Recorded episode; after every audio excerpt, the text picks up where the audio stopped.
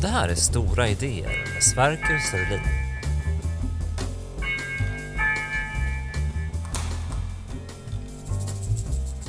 Hello. Hi. David. I'm Sverker Sörlin. Good to meet you. So you just arrived today? Uh, last night. David Wengrow är professor i arkeologi vid University College London. To dream uh, again, if you like, without immediately being slapped down. Han har genomfört utgrävningar i olika delar av Mellanöstern och Afrika. You're a dreamer. You're, you're a utopian. I Guardian och New York Times kan man läsa hans essäer om ämnen som klimatförändringar och ojämlikhet. What do people do when they are in the position to do what they want to do? Well, they gather in extremely small places. They go into a tent. Sverker Sörlin är professor i miljöhistoria på KTH. Några av hans senaste böcker handlar om att försvara bildningen, om antropocen och om krisernas historia. Han har vunnit Augustpriset för sitt tvåbandsverk om Europas idéhistoria. Most welcome, David Wengrow, Thank you. archaeologist, uh, to my podcast.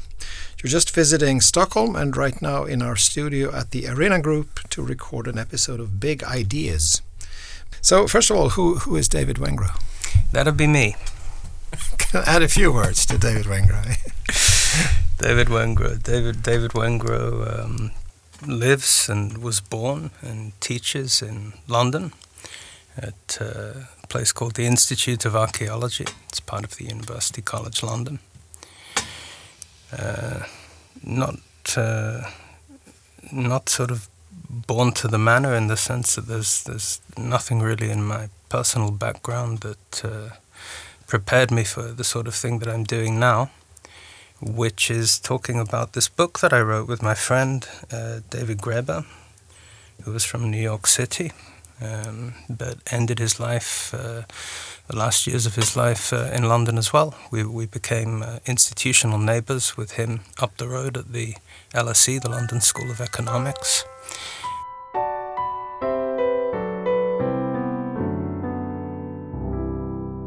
Vi pausar här för några ord om dagens ämne.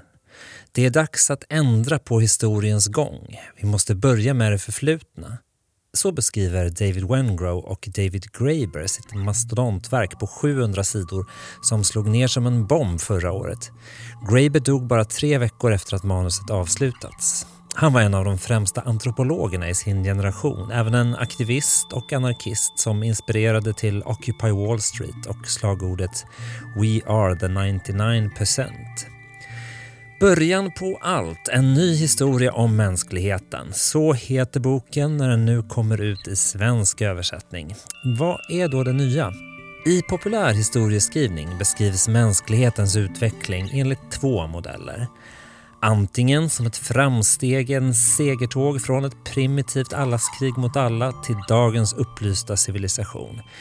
Eller så förknippas utvecklingen istället med förlust av frihet, bort från ett ursprungligt paradis. Men ingen av modellerna finner stöd i ny forskning, menar författarna. De vänder upp och ner på gängse bilder och berättar om jägar-samlarfolk med slavar och historiska städer utan kungar. Och kanske mest spännande av allt, de skriver en ny historia om upplysningens frihetstankar. Varifrån kom egentligen kritiken mot försten, prästen och penningen? Inte från Rousseau utan från amerikanska ursprungsfolk ska det visa sig. Ja, det var lite bakgrund till det samtal vi nu ska höra. Så här lät det när en lite nyvaken David Wengrow besökte Stora idéer med Sverker Sörlin i en liten studio i Stockholm nyligen. Varsågoda. So you wrote this book with David Graeber, The Dawn of Everything, a huge book about, well, the history of humanity. Uh, in fact, a new such history. It's drawn a lot of attention and has been widely praised, uh, also translated to several languages, and also intensely discussed. And let me first uh, only chime in. It's a fascinating and fantastic book, I think, full of ideas, proposals, revisions, of existing knowledge, honest questions, uh, about thousands, perhaps even thousands of years of human history. Uh, but before we further go into this book a little bit, uh, let me ask um, one very sort of fundamental question to you. What is the most important message that this book wants to send? I mean, why is this book important to the general reader? Mm.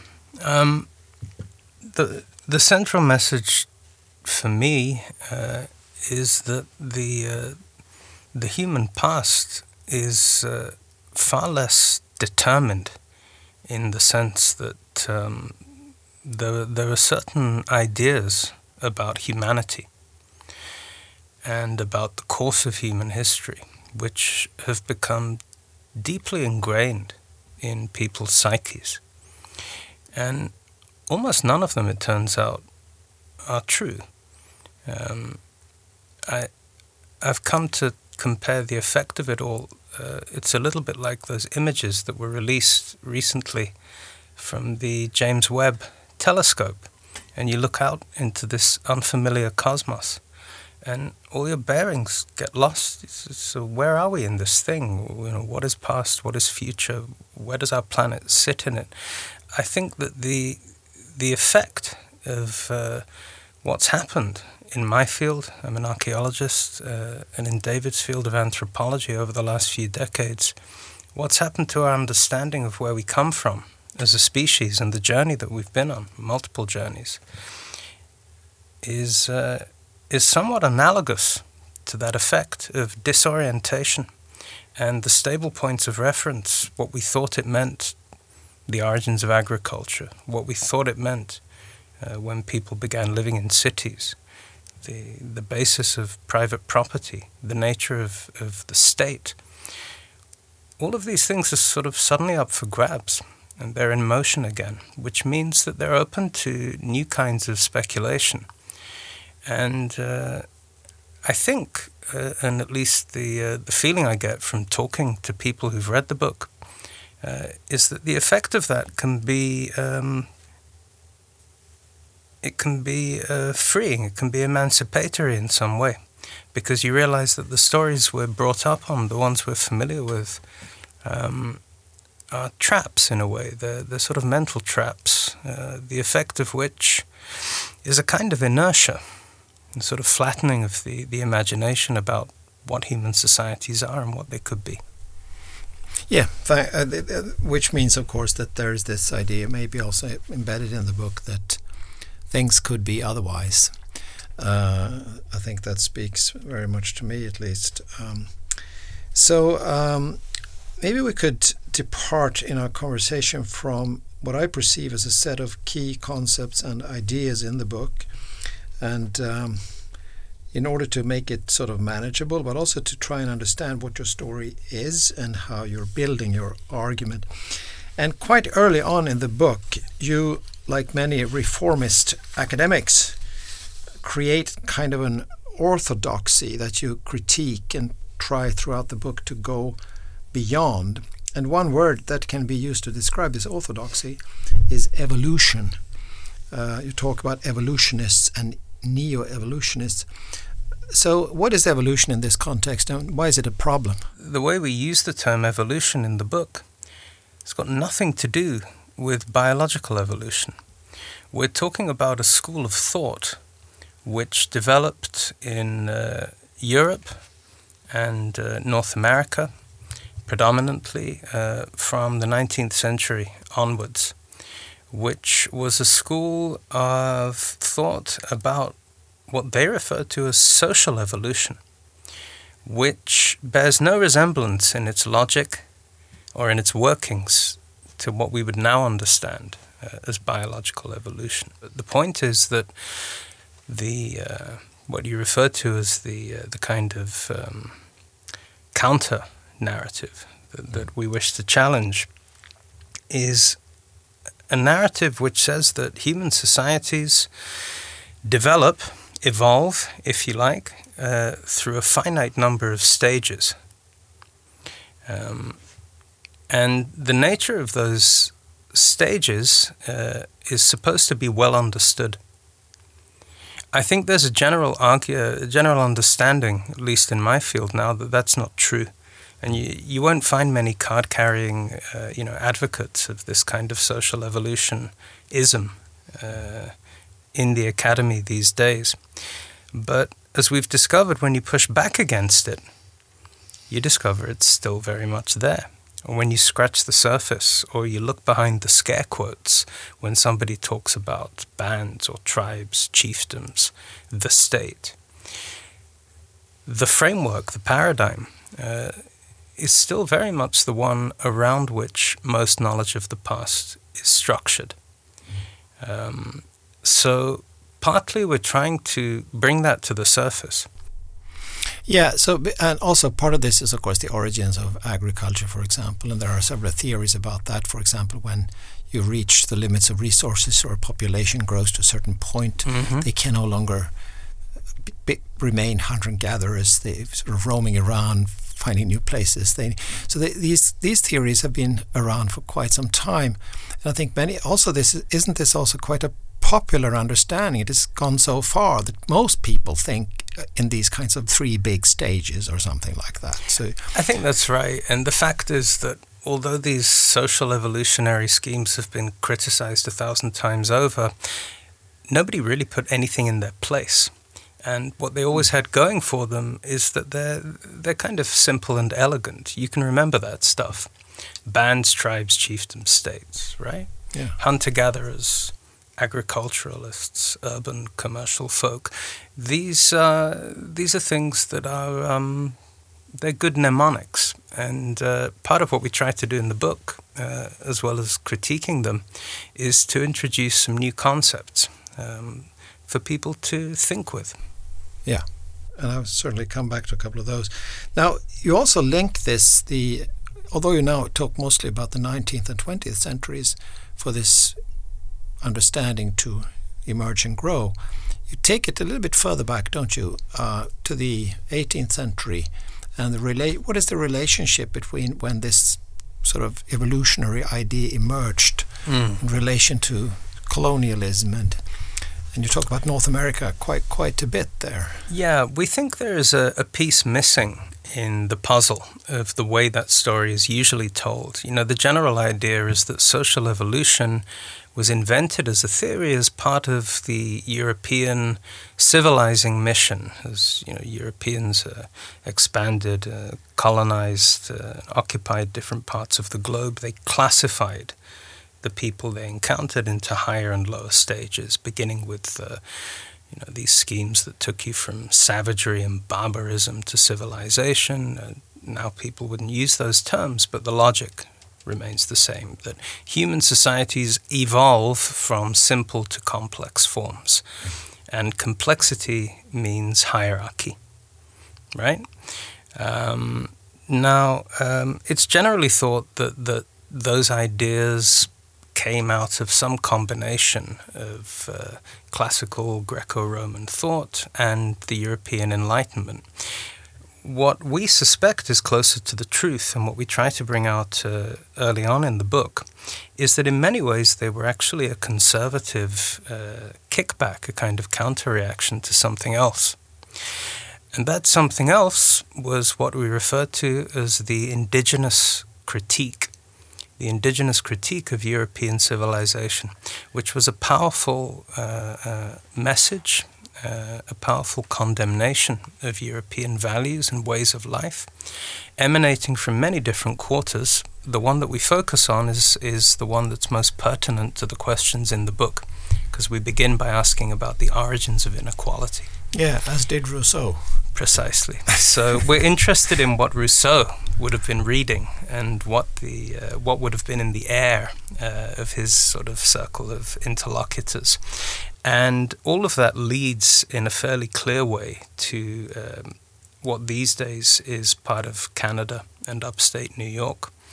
Um, and to the encounters that took place between European colonists and the Iroquoian and Algonquian speaking populations of that region, which uh, generated uh, many things, including a body of literature that flowed back into European discussions and debates uh, about the nature of politics, sexuality, marriage, legal systems, uh, and many other things. Um, and if we had to distill that message down to one point, uh, the message coming from the Great Lakes back to Europe. Mm, that's fascinating. In the decades before the French Revolution, is you guys are slaves. Mm. You're slaves to your monarchy, you're slaves to your church, you're slaves to money, which was an even greater shock to progressives who thought that free trade and commerce would somehow liberate them from the authority of the state. And the message coming back is no, you're actually running for your chains, as Rousseau would eventually put it. Yeah, so let's save you from said from the from North America, so to speak. You even state later in the book, I think, that it you can look at the Enlightenment as a North American uh, in, innovation or invention that sort of flows back to the and influences the what we call the Enlightenment. Yeah, I mean, it's not a new point. If you look back at uh, the work of historians like the French historian Paul Hazard in the 1940s, his book, uh, The Crisis of the European Mind, where he talks about how what we refer to as the Enlightenment is really a, a, a, kind of distillation down of a, a, highly complex and cosmopolitan set of influences in an age of travel, trade, uh, and interaction. And those include not just uh, the Americas, but also China, Persia, uh, India, uh, parts of Africa. Um, it's just peculiar the way that we tend to uh, teach the Enlightenment uh, as a kind of hermetically sealed affair going on between a bunch of guys uh, mm. in Northern Europe. It's fairly unrealistic. But the point about social evolution is that for people who found that message uh, um, worrying or a, a threat uh, to their own values, the rebuttal which we try to trace uh, in the book how it unfolds. The rebuttal is to say, well, yes, we can admire these qualities of freedom and social equality. Um, however, they are not a sign of uh, an advanced civilization. To the contrary, the people espousing such views and living in these ways uh, can only do so precisely because they are primitive by which they meant primitive in material terms, primitive in technological terms. These are people with who don't wear clothes, people who live in huts. Um, in other words, we see the invention of this stage like view of human history uh, and this kind of evolutionary ladder of societies as a way of effectively taking people who were contemporaries and who, for a while, were involved in a, a genuine dialogue about the best way to live. And sort of relegating them almost to another time zone so that they are then depicted as kind of existing in a sort of living obsolescence as hunter gatherers. I mean, quite often these people were not even hunter gatherers, you know, they were farming various crops and so on. But they are relegated to the bottom rung of this new evolutionary ladder. Whereas we say in the book, you know, they can talk all they want about freedom, equality, women's rights, whatever it may be. Yeah, which they did. And I think that's uh, really illuminating in the book that you right. present that these ideas were actually articulated uh, in a very uh, sophisticated way. Mm-hmm. But the the end result of this, uh, as I think we say in the book, is that you, you, you may as well canvass the opinions of a leprechaun, because uh, you know what happens is the stigmatization, which then feeds into a kind of biological racism, and of course there is a direct line between what we call in the book the myth of the stupid savage, not the noble savage, which is another story altogether, but the myth of the stupid savage, the idea that these people are, are basically sort of either childlike naifs, um, or as later becomes the case with biological racism, that they are simply intellectually inferior.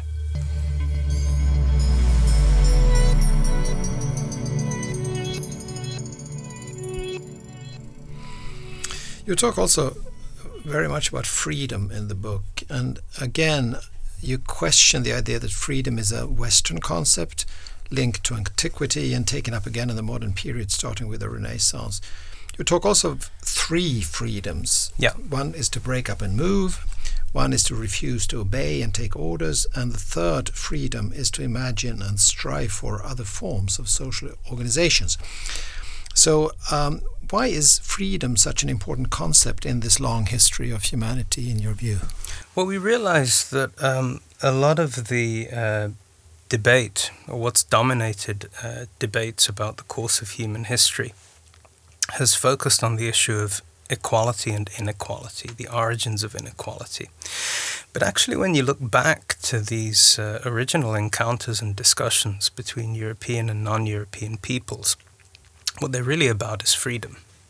Uh, and it's not uh, uh freedom as we know it. I mean, it's not freedom in the way that, uh, that um, uh, is expressed on a purely individual level.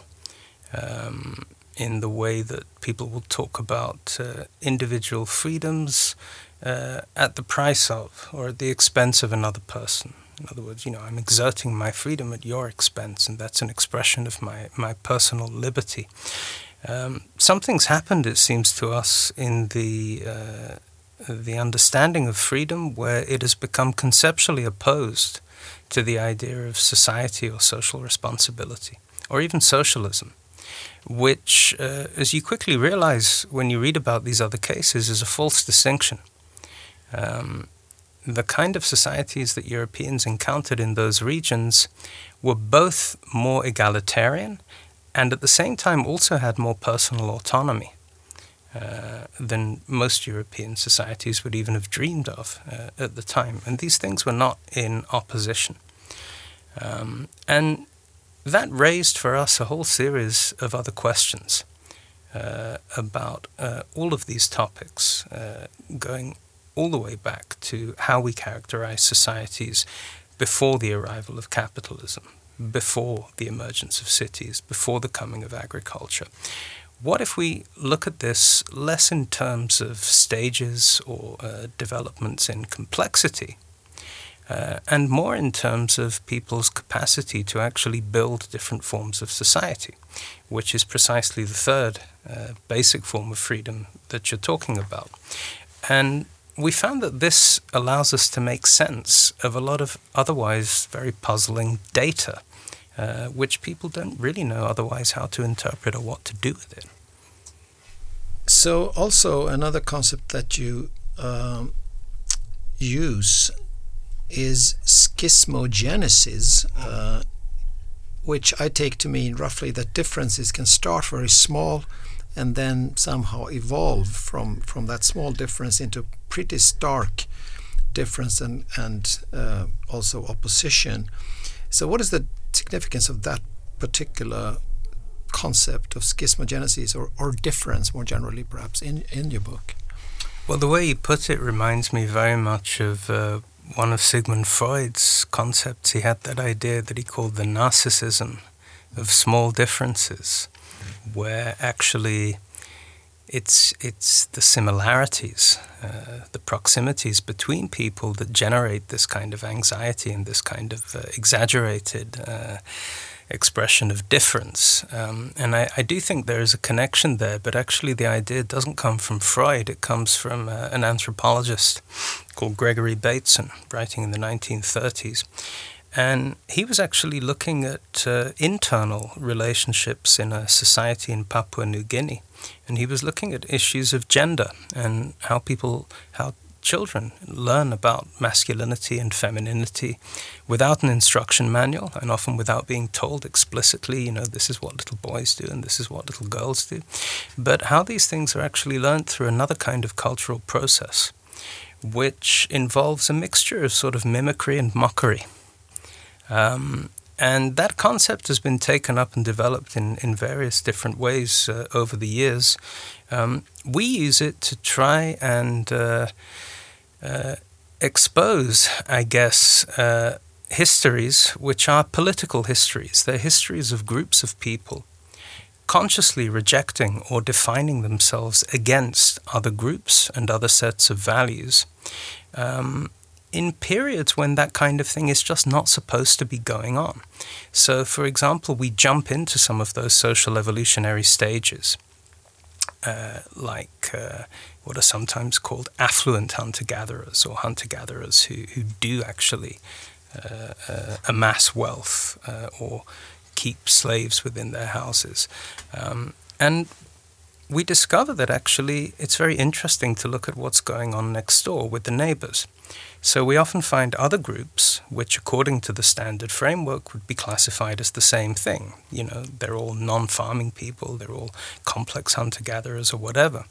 But as we discuss uh, early on in the book, they very often have strikingly different value systems which uh, we suggest is not a coincidence, and that actually you have uh, a lot more uh, political uh, and cultural differentiation going on much earlier in human history, uh, and therefore a much richer sort of archive of political experience than we're used to thinking of. And just to see whether I get things right here, this is important for you because you are opposing a pretty sort of um, uh, heavy-handed, in a sense, three-stage or four-stage mm. models, which tend to um, somewhat commodify and unify the, the individual components of those, whereas you suggest that these components, these different societies, uh, are actually, uh, at least potentially, quite different, and also empirically, I think, very different. Which means that the the the um, capacity to change and to develop new ideas and new organization is there all the time. And also that you suggest that it happens all the time. And it can have different directions. It is not unilinear either so that it doesn't progressively move towards these more complex stages but you could actually have a reverse direction if you look for directionality here. Is that a way of saying it? Exactly. Uh, that's right. And um, more to the point, um, it gets us past this kind of uh, uh, rather stark opposition between different ways of explaining culture, where you know either you effectively say, well, culture is, is a roll of the dice. You know, uh, people simply are the way they are. You know, Swedish people are a certain way, Finnish people are a certain way. Uh, the way that languages work, you know, is essentially random. Um, or at the other extreme, you know, you have attempts to explain these things in terms of some sort of adaptation or sort of environmental uh, factors. Um, and neither of these uh, alternatives are particularly compelling. Actually, what we find uh, uh much closer to the evidence um, is that it's very often a matter of people defining themselves against each other in, in a conscious way, which is generative. You know, people get fixated on the schismo part of schismogenesis, but the genesis part is terribly important. It's a generative process that actually gives birth to new cultures. Another word that I've uh, picked up as key to your uh, story is the word scale. Mm. You don't use it so very much. I think I don't think it's even in the index of the book, at least not in the Swedish index. But um, I think it's significant since you seem to link creativity to scale. Small societies, by and large, tend to often be creative and also more playful and good to live in if you prefer freedom, for example. There are certain set of categories that you can group together and that has to with scale to do so what, what is if you want to say a little bit about the significance of scale to your argument and also of course the inevitable question is small more beautiful in your eyes mm. certainly the second part of your question, the answer would be no. Uh, actually, one of the points we, we make in the book is that the way we think about scale intuitively is is almost back to front. You know, we're, we're generally encouraged to think of small scale societies as uh, being rather nice. You know, it's something that David used to complain about a lot from his experience in activism. Is that you know even people who are sympathetic to a movement like uh, Occupy or the global justice movement say, "Well, that's very nice, but how could it ever work on a large scale?" As if there was anything inherently good or sort of nice about small scale uh, groups. Whereas, in fact, if you just reflect on it for a moment, you know, who's ever heard of an egalitarian family or an egalitarian household? Um, so there's something counterintuitive about this assumption that small is beautiful and that it's only once we form really large groups uh, that the kind of ugly sides of human nature or the will to, to dominate and subordinate and control uh, comes out. Um, we don't really see any empirical evidence for that. Um, and in fact, one of the things we argue uh, is that in order for systems of domination and control to really take root and become uh, cumulative, they have to take root at the small scale. In family relations, in gender relations, uh, household structures, and that kind of thing. So, uh, uh we certainly don't uh, uh, draw the kind of distinction that, that, that you imply. I guess the other point is that, you know, the one thing that we certainly have learnt from archaeology and history in the last few decades is that we have to completely rethink scale and the way we think about scale in human history. Because this idea that early human societies were in fact small scale and existed, uh, you know, the idea that before the arrival of cities, people are living in these small, isolated, demographic uh, sort of pockets of human beings, has been completely blown apart um, and this was always known, really, but these days we can really substantiate it with all the various tools and methods that are available now everything from ancient genomics to isotopic studies of prehistoric animal teeth and whatnot. Uh, Could what, you give an example of such a sort of an early, not so small uh, kind of? Uh, yeah, well, it's actually it's almost as if the whole picture is the other way around. If you think about it, human culture when it begins is kind of global. You know, you start off with prehistoric hand axes that look roughly the same all over the planet, wherever humans get to. And it's actually culturally what you see is a process of contraction where humans begin living in very large networks, demographically small and spatially quite dispersed but you can trace movements and interactions. There was a study recently, a quite ingenious study, of tiny beads made on ostrich eggshells from southern and eastern Africa. And these can be reliably dated back to around 50,000 years ago. And what they show, uh, quite convincingly, in my opinion, uh, is that people were exchanging knowledge and craft skills over really extraordinary distances. And this tallies with various other lines of evidence. If you look at Ice Age Europe, there are correspondences in artistic styles, ways of making certain kinds of everyday implements, ways of treating the dead that span half a continent.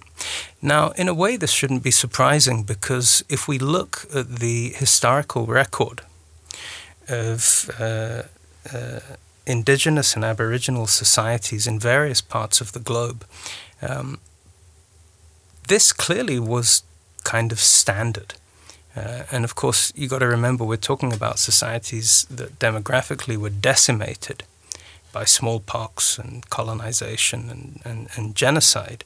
But even then, um, you have uh, a very clear testimony to the existence of uh, clan systems and other kinds of large scale regional systems that bound people together in various ways through relationships of debt and hospitality and mutual obligations, and which often cut across uh, language groups and kinship groups. And of course, we know this in the history of Europe as well, we had such things.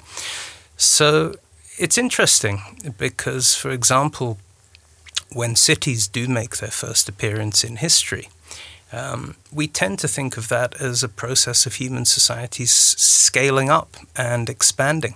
But actually, if you look at it spatially, what it looks like in the archaeological evidence is more like a process of concentration. It's like one of these big regional systems shrinking down into one or two points in the landscape.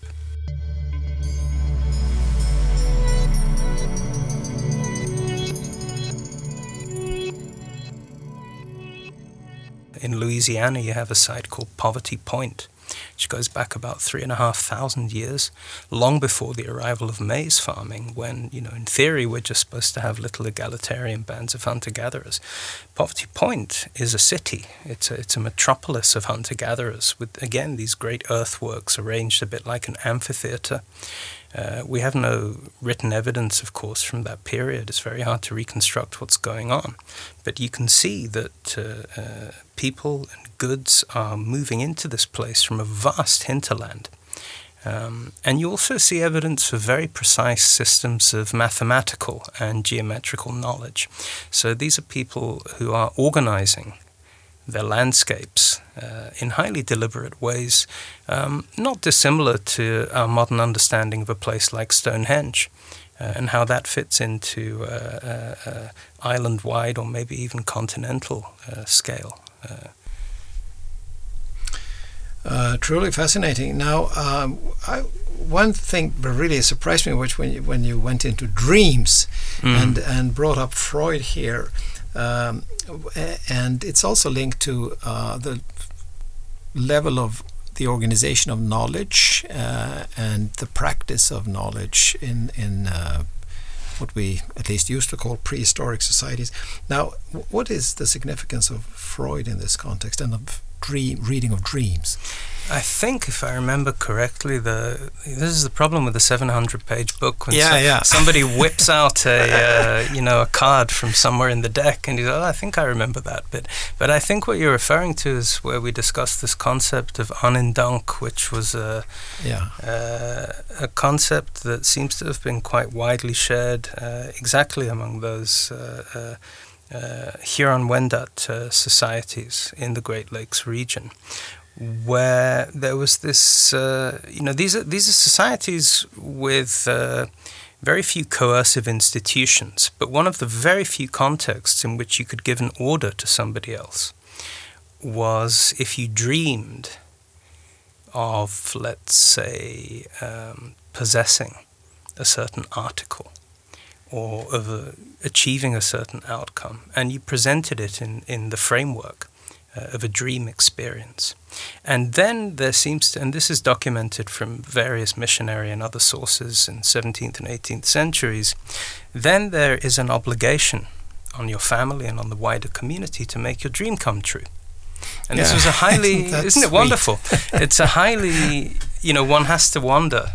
Yeah.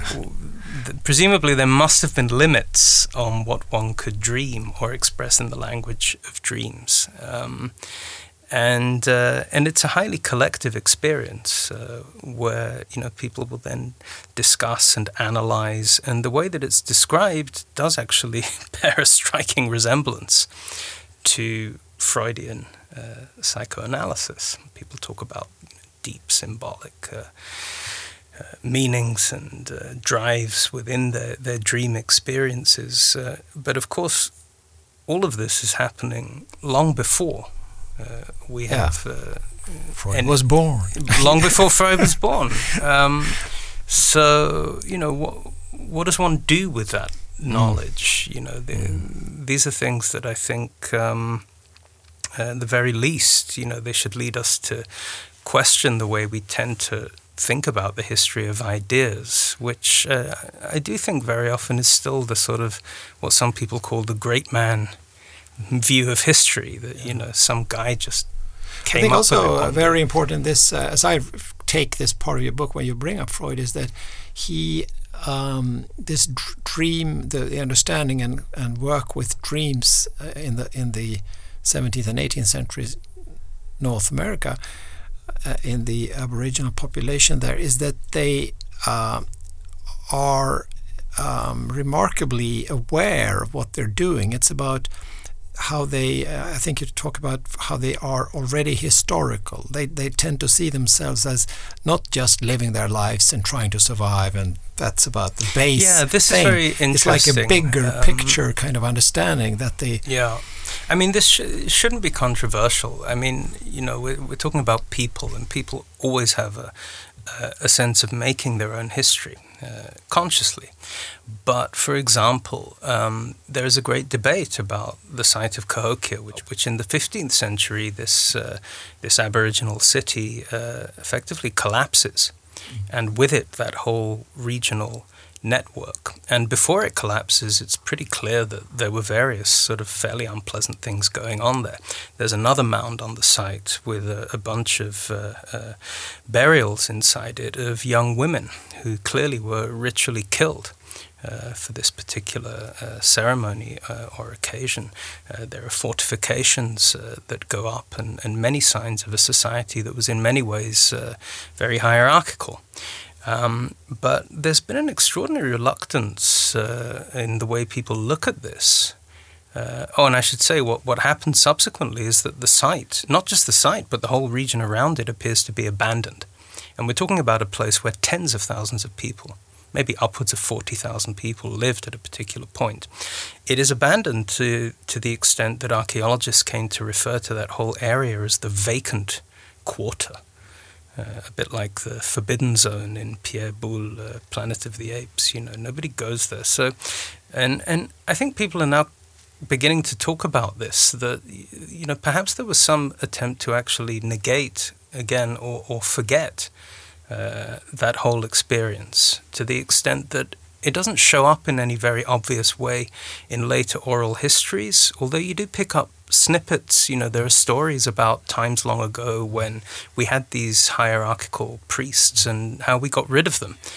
Um, but there's a strange reluctance to put together the more recent history of societies in that region with the archaeological evidence of their own past, as if they didn't somehow have that kind of historical consciousness that we assume is normal. So, so in a sense, you suggest that there are two very opposite things that have not been acknowledged before fully.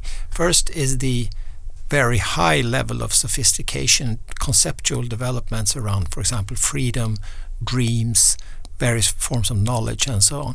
And also not a full acknowledgement of the level of cruelty and annihilation that could also go on. So, and it seems to me that that is part of your own mission in this book to, in a sense, suggest always that those who were depicted as different and other were not so fully different and other. We are more alike throughout history than we have thought. Is that a well, reasonable you know, reading of what you... People and cultures tend to get uh, essentialized. You know, when when Europeans first uh, uh, encountered those uh, highly egalitarian societies uh, in the eastern woodlands of uh, North America, um, the assumption immediately is that's just how they were. You know, they'd always been that way. Um, whereas, in fact, uh, when we look at the the evidence, the historical evidence, the archaeological evidence, uh, there is at least a reasonable case to be made that part of the reason they were that way was something in the nature of their own historical experience and a counter reaction to something else that was part of their own history. Now, it doesn't seem to me that there's anything implausible or strange about that. Um, but the reason it seems strange is because we have this peculiar idea that it is only uh, after the Enlightenment uh, and the writings of Montesquieu or whatever that people for the first time somehow became able to consciously create constitutions and societies according to a particular set of values.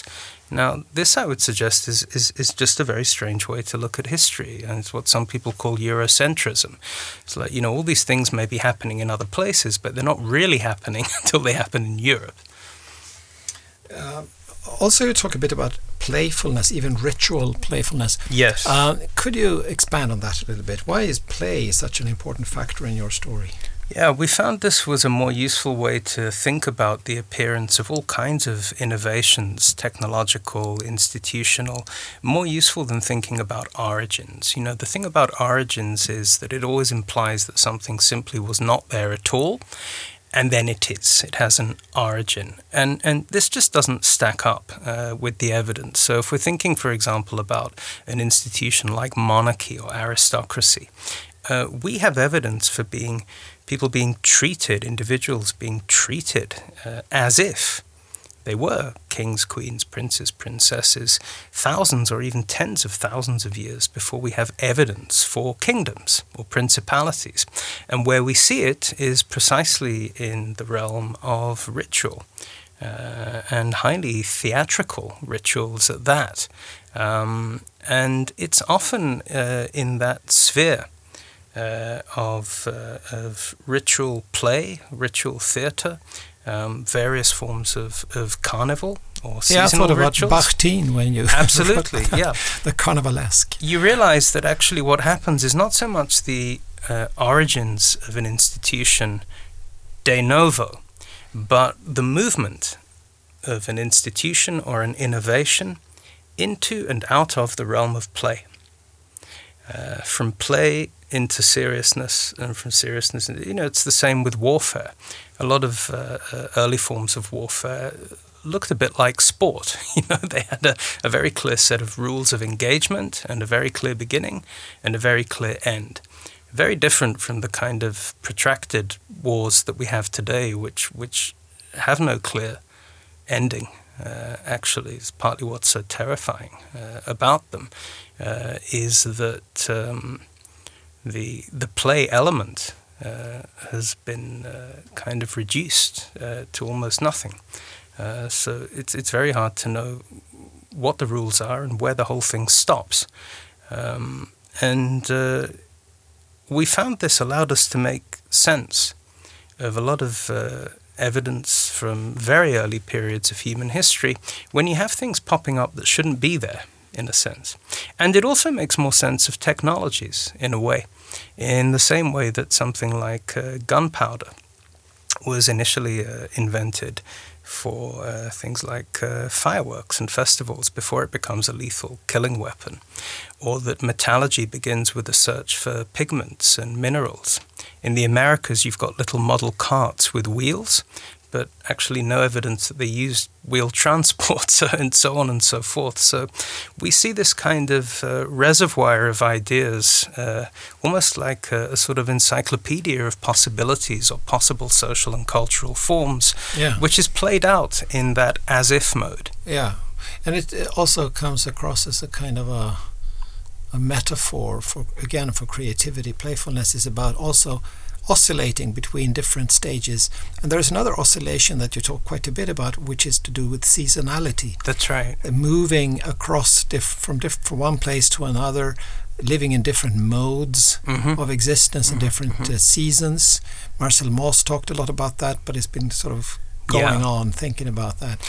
So you sort of add various layers of these kinds of not being fully just uh, solid in one place, but mm-hmm. the difference is happening over again and, and then creates opportunity for for creativity and change. Mm-hmm. That's right. It's actually one of the the first uh, pieces of research we did was going back to Marcel Mauss's ideas about uh, what he called the double morphology mm. of certain societies, which have not one but two systems of law, not one but two systems of politics, not one but two systems of religion, and they flip uh, between them, often on a loosely seasonal basis. We're talking very often here about hunter gatherers, foresters, horticulturalists who will aggregate in quite dense formations for certain parts of the year and then break up into smaller ones at others. And what Mauss uh, and many others like Franz Boas and Robert Lowie documented is that in the process of uh, fission and fusion, which lots of other species do, of course. But what's different about the way humans do it is that they don't just change the size and the density of their social units, they change everything.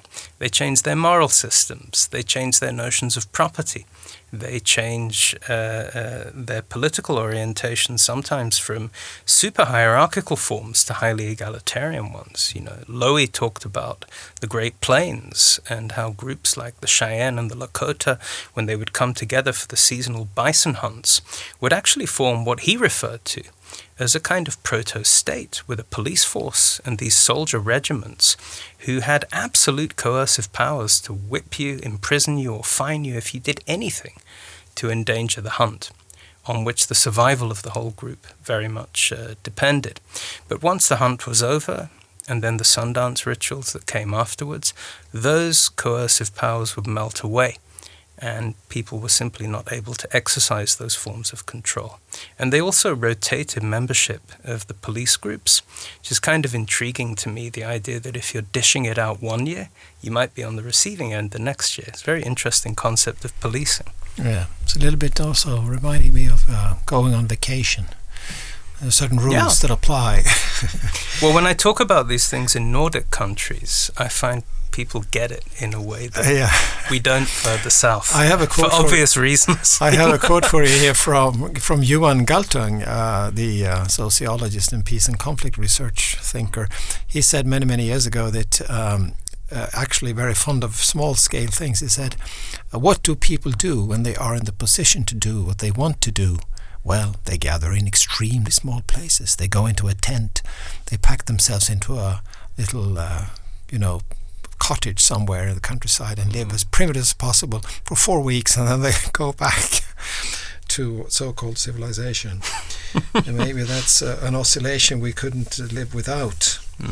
Um, Well, the point that Mauss made is that we can't bear it. You know, I mean, can you imagine if Christmas didn't finish? You'd go crazy. yeah, of course, of course. It's soon coming up, also, right. isn't it?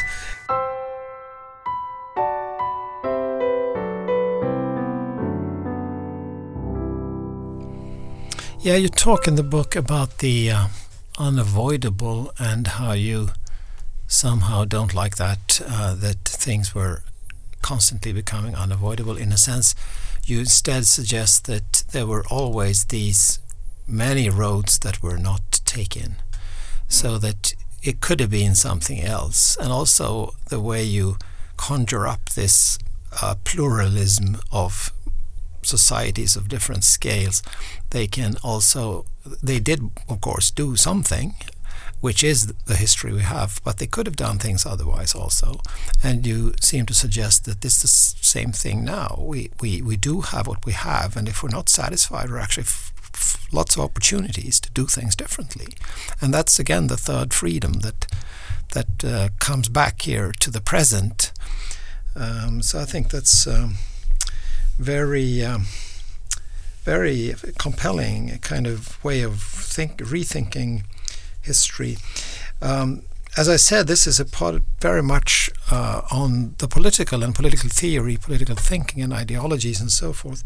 So, what about, uh, or how shall I phrase this? What ab- what about political potential consequences or um, conclusions from what you're talking about? Ideologists have related to the evolutionary narrative. That's for for sure. I mean, if you look at Marxism, very sort of stages way of thinking, I think you can find similar notions at the core of both liberalism and conservatism and also other ideologies. Yeah. But if you go to your own thinking in this book, what sort of politics do you think may follow from that, or how political is your reinterpretation? Yeah. Well, I uh, I do spend a fair bit of time talking to groups, readers, uh, including activist groups, uh, labor unions, who, who find something of value uh, in the the ideas uh, in the book, um, which I think is uh, is precisely around this issue of alternatives.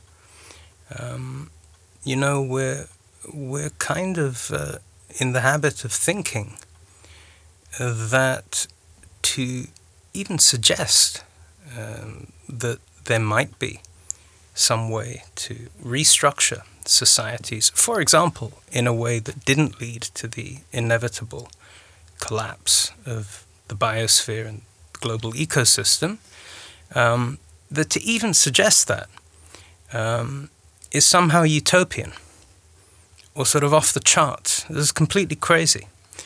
Um, and I've even heard people and seen in reviews of our book, I've seen our book described as utopian, which, you know, if you read it with any degree of attentiveness, you can see that it, it, it's clearly not.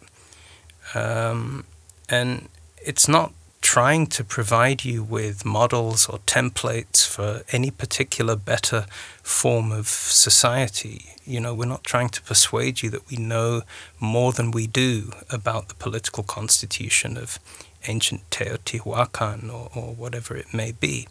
What we are trying to show is that at those points in human history, which we're always told were kind of like thresholds or turnstiles. People moved beyond them and then there was no going back. And what that meant was the loss of freedoms, social freedoms. That actually there's more to it than that. And that in each of those cases, whether we're looking at humans inventing agriculture, forming large scale societies, there was always other things going on. There was always more going on than that. There were other pathways uh, that were taken. Things were sometimes uh, turned on their heads or reversed. Um, and I think there is a, there is a political dimension to realizing that, um, which is really just about liberating our thinking and allowing ourselves to begin to speculate, uh, to dream uh, again, if you like, without immediately being slapped down and told you're a dreamer. You're you're a utopian. You know, get back in your box. Go back to school. Go back to your work desk. Just carry on as you are. Uh, and I I think um, uh, what I'm finding in conversations with uh, readers of the book of many different sorts is that, um, and I'm thinking now about educators. I'm thinking about people who are invested in trying to find better solutions at, at the community level uh, or whatever it may be, um, that they find something uh, positive in that, they find something energizing in that. Um, and I think that's that's the core of the book's politics, insofar as it has one.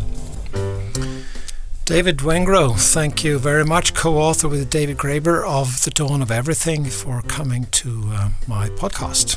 Thank you very much for having me on.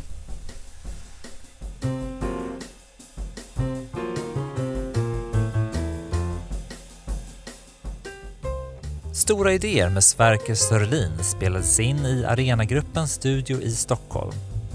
Har du tankar kring det du har hört eller vill du önska ett ämne? Maila oss podd arenagruppen.se Alltså podd at arenagruppen.se Och dela gärna podden i sociala medier så att fler får höra.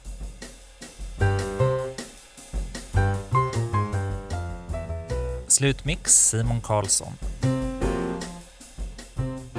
Klippte och producerade gjorde jag som heter Rasmus Malm.